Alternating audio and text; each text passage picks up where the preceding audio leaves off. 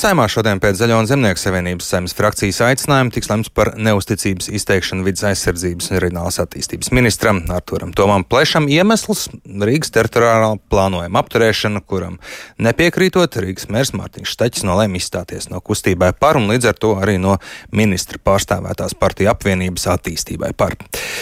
Kā arī par apturētiem grozījumiem pašvaldība lēma vērsties satversmes tiesā. Šobrīd vidus aizsardzības un reģionālās attīstības ministra Artur Tomu Plešu esmu sazvanījis. Labrīt! Labrīt! Cik pārliecināts esat par uzticības balsojumu izturēšanu saimā?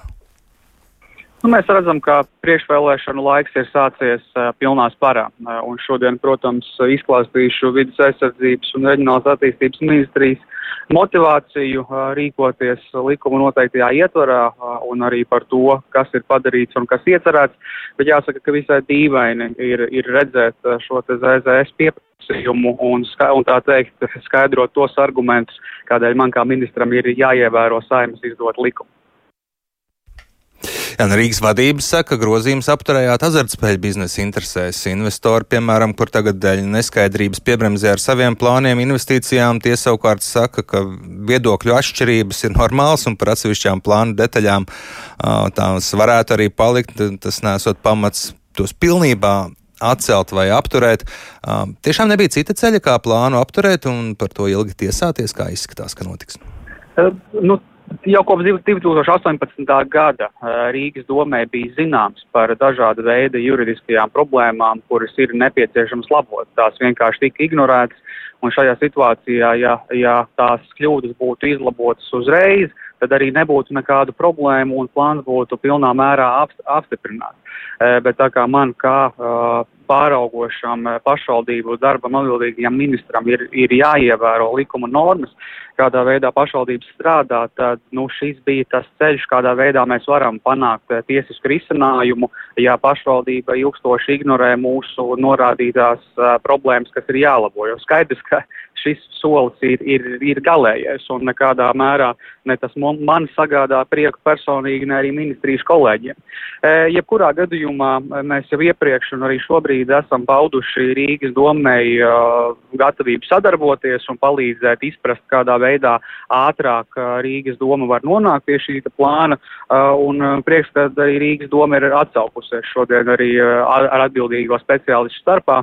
Notiks arī saruna, kur Rīgas domas speciālisti uzklausīs un tad sarunāsies, kādā veidā mēs ātrāk varam nonākt pie risinājuma, kas ir pilnīgi visu interesēs. Pieļaujiet, ka bez tiesāšanās satversmes tiesā. Nu, tā, protams, ir Rīgas izvēle. Šeit, diemžēl, tādā ziņā, ja tas lēmums arī tiek, tiek pieņemts trīs mēnešu laikā iet uz tiesu, tas, protams, šo procesu var paildzināt, un es šaubos, ka tas ir rīdzinieku interesēs. Izstāstiet cilvēkam parastajam, kurš juridiskajās niansēs varbūt arī neiedziļinās, kas tāds slikts potenciāli notiktu, ja Rīga plānu pieņemtu tādu, kāds tas, kā to viņi bija iecerējuši, kāds viņš šobrīd ir. Pavisam vienkārši. Jau no 2017. gada uh, spēkā ir likums, kas nosaka, ka valsts pilsētai, tādai kā Rīga, uh, var būt spēkā tikai viens teritorijas plāns, kas ir pamats pamats teritorijas plānošanai nu, un tālāk uh, dažādu veidu infrastruktūras investīciju projektu arī attīstībai. Šajā brīdī, kad Rīga pieņēma šo te jauno teritorijas plānu pagājušā gada decembrī, netika regulēts jautājums, kas skar Rīgas vēsturisko centru. Un de facto Rīga šobrīd būtu ar apstiprināto plānu kā teritorija, kura ir caurums pa vidu. Tā varētu raksturot kā tādu baranku, kur šis vēsturiskā centra nu, funkcionālais zonējums un šis te teritorijas plāns nav risināts. Un tas, protams, rada nu, juridisku nenoteiktību, par ko mums arī uh, ir saņemtas sūdzības arī no iedzīvotājiem, kuri nesaprot, uh, kurš tad plāns ir jāpielāgo, vai tas vecais, kas ir vēsturiskajam centram, vai tas jaunais, un šāda veida uh, nu, problēmas nedrīkst tikt pieļautas. Jā. Tad pretstatā nenoteiktībai par visu Rīgu būtu nenoteiktība tikai par vecrīgu. Tas būtu tas sliktais. Tā lieta ir tāda, ka jau šobrīd ir spēkā Rīgas teritorijas plāns, kur ir izstrādāts līdz šim. Nav tā, ka Rīga ir bez teritorijas plāna kā tāda. Un tās ieceres, kuras ir gan iesāktas, gan plānotas, var tikt turpinātas, un, un tā juridiskā nenoteiktība pastāv.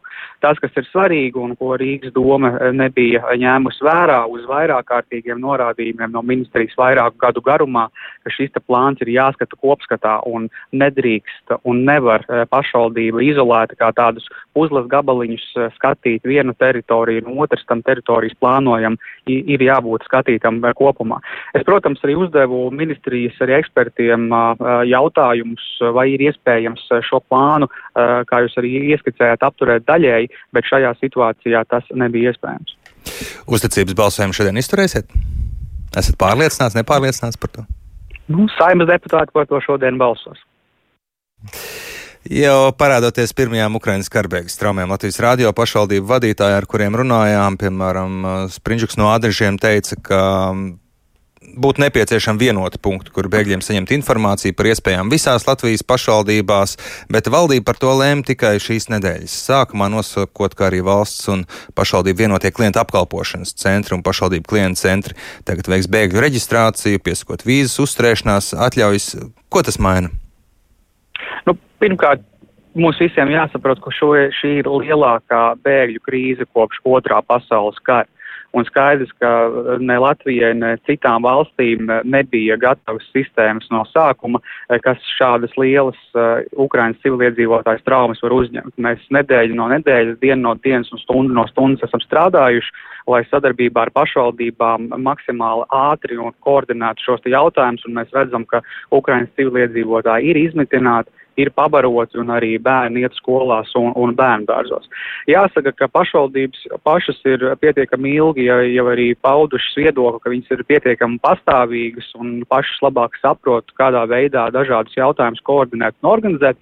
To mēs redzējām arī līdz šim, kad, piemēram, tā, tā pati Rīga, par kur mēs runājām, ļoti ātri uh, izveidoja šo bēgļu pieteikšanos centru un tādu var darīt uh, un organizēt pilnīgi kura pašvaldība.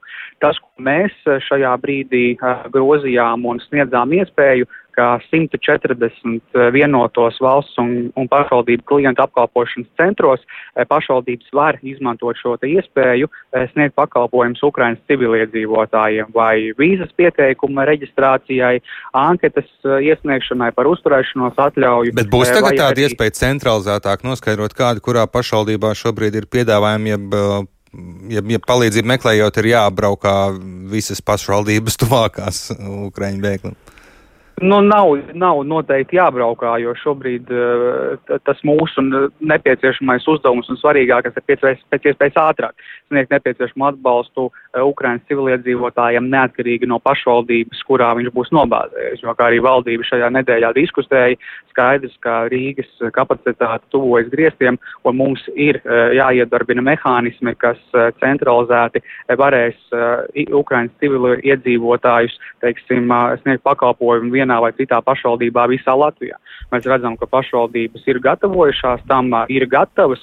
Protams, tur ir arī savu veidu izaicinājumi, kas procesā būs jārisina, bet tas svarīgākais ir tas, ka šobrīd Ukraiņas civiliedzīvotāji saņems pakal, saņem pakalpojumus un saņems tādus arī uz priekšu. Jā, ne tikai Rīga brīdina par savas kapacitātes grieztiem, arī citas pilsētas par to sāk runāt un stāst, ka vairs jau nav kur īsti izmitināt. Kāda ir situācija pašvaldībās, cik daudz bēgļu vēl varam uzņemt, un vai pašvaldību ministrijā vispār ir informācija par tām iespējām? Līdz, līdz vakardienai pašvaldībām bija jāiesūta informācija par tām papildus telpām un infrastruktūru, kuru pielāgojot var izmantot Ukrainas civiliedzīvotāju iz, izmitināšanai. Tā informācija līdz vakardienas vakaram ir saņemta, šobrīd tā tiek apkopota un jau nākamajā nedēļā par to tiks informēts plašāk. Paldies jums par sarunu šorīt. Artūrs Toms Plešs, vidas aizsardzības un reģionālās attīstības ministrs ar mums sarunājās.